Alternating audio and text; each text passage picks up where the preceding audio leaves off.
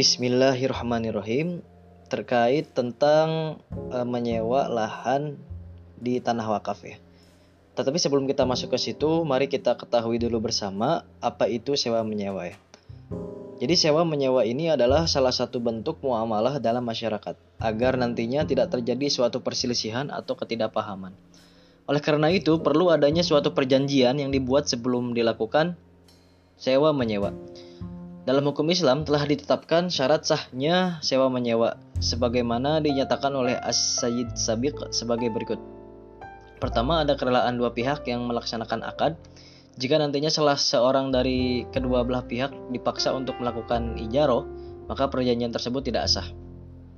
Lalu yang kedua, mengetahui manfaat dengan sempurna. Barang yang akan dijadikan objek sewa menyewa sehingga nantinya tidak terjadi suatu perselisihan antara kedua belah pihak dengan jalan menyaksikan barang itu sendiri atau kejelasan sifat-sifat dan barang tersebut. Jika dapat hal ini dilakukan untuk menjelaskan masa sewanya, seperti dalam waktu sebulan atau setahun, serta dalam perjanjian harus menjelaskan manfaat apa yang diharapkan.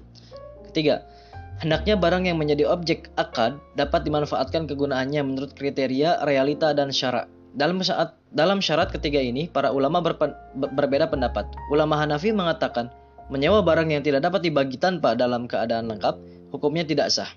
Sebab manfaatnya tidak dapat ditentukan saat itu juga. Akan tetapi di kalangan para jumhur ulama dinyatakan barang yang tidak dapat dibagi itu dapat disewakan dan sah hukumnya.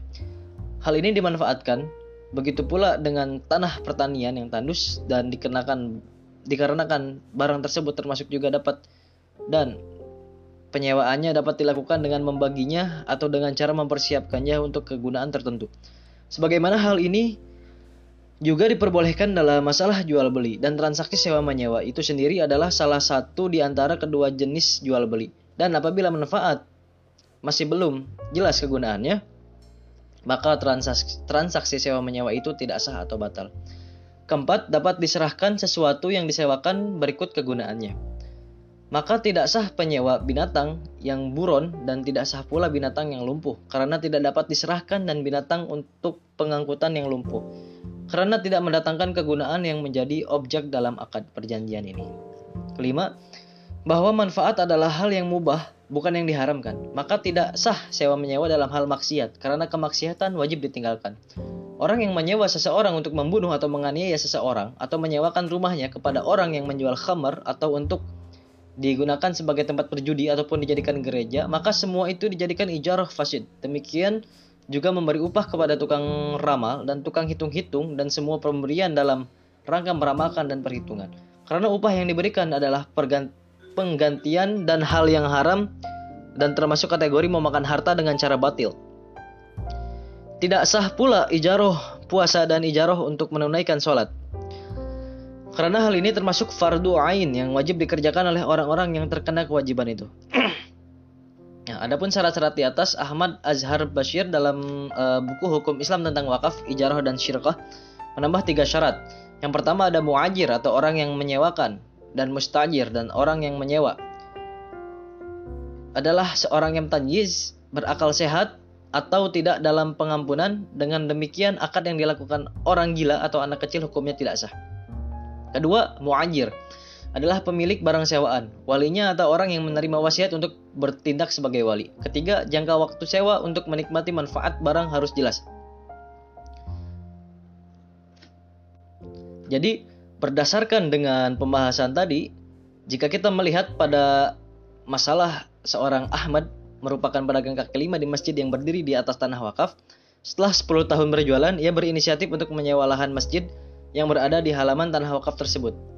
Nah, apakah boleh menyewa lahan tanah wakaf untuk kepentingan komersil atau berdagang? Jawabannya adalah boleh-boleh saja ya, karena sewa menyewa lapak pedagang kaki lima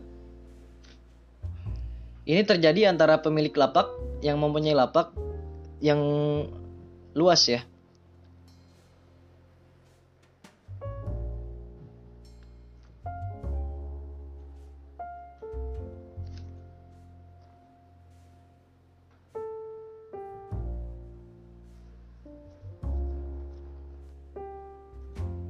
Karena Ahmad ini juga berinisiatif, berinisiatif sendiri ingin menyewa begitu.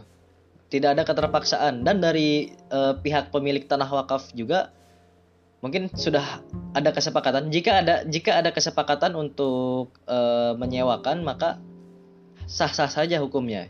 Karena adanya perjanjian atau akad di antara kedua belah pihak. Yang mana saling menguntungkan ya baik Mungkin hanya itu saja yang bisa saya sampaikan. Kurang lebihnya mohon maaf. Wallahu a'lam bishawab. Wabillahi taufik wal hidayah. Wassalamualaikum warahmatullahi wabarakatuh.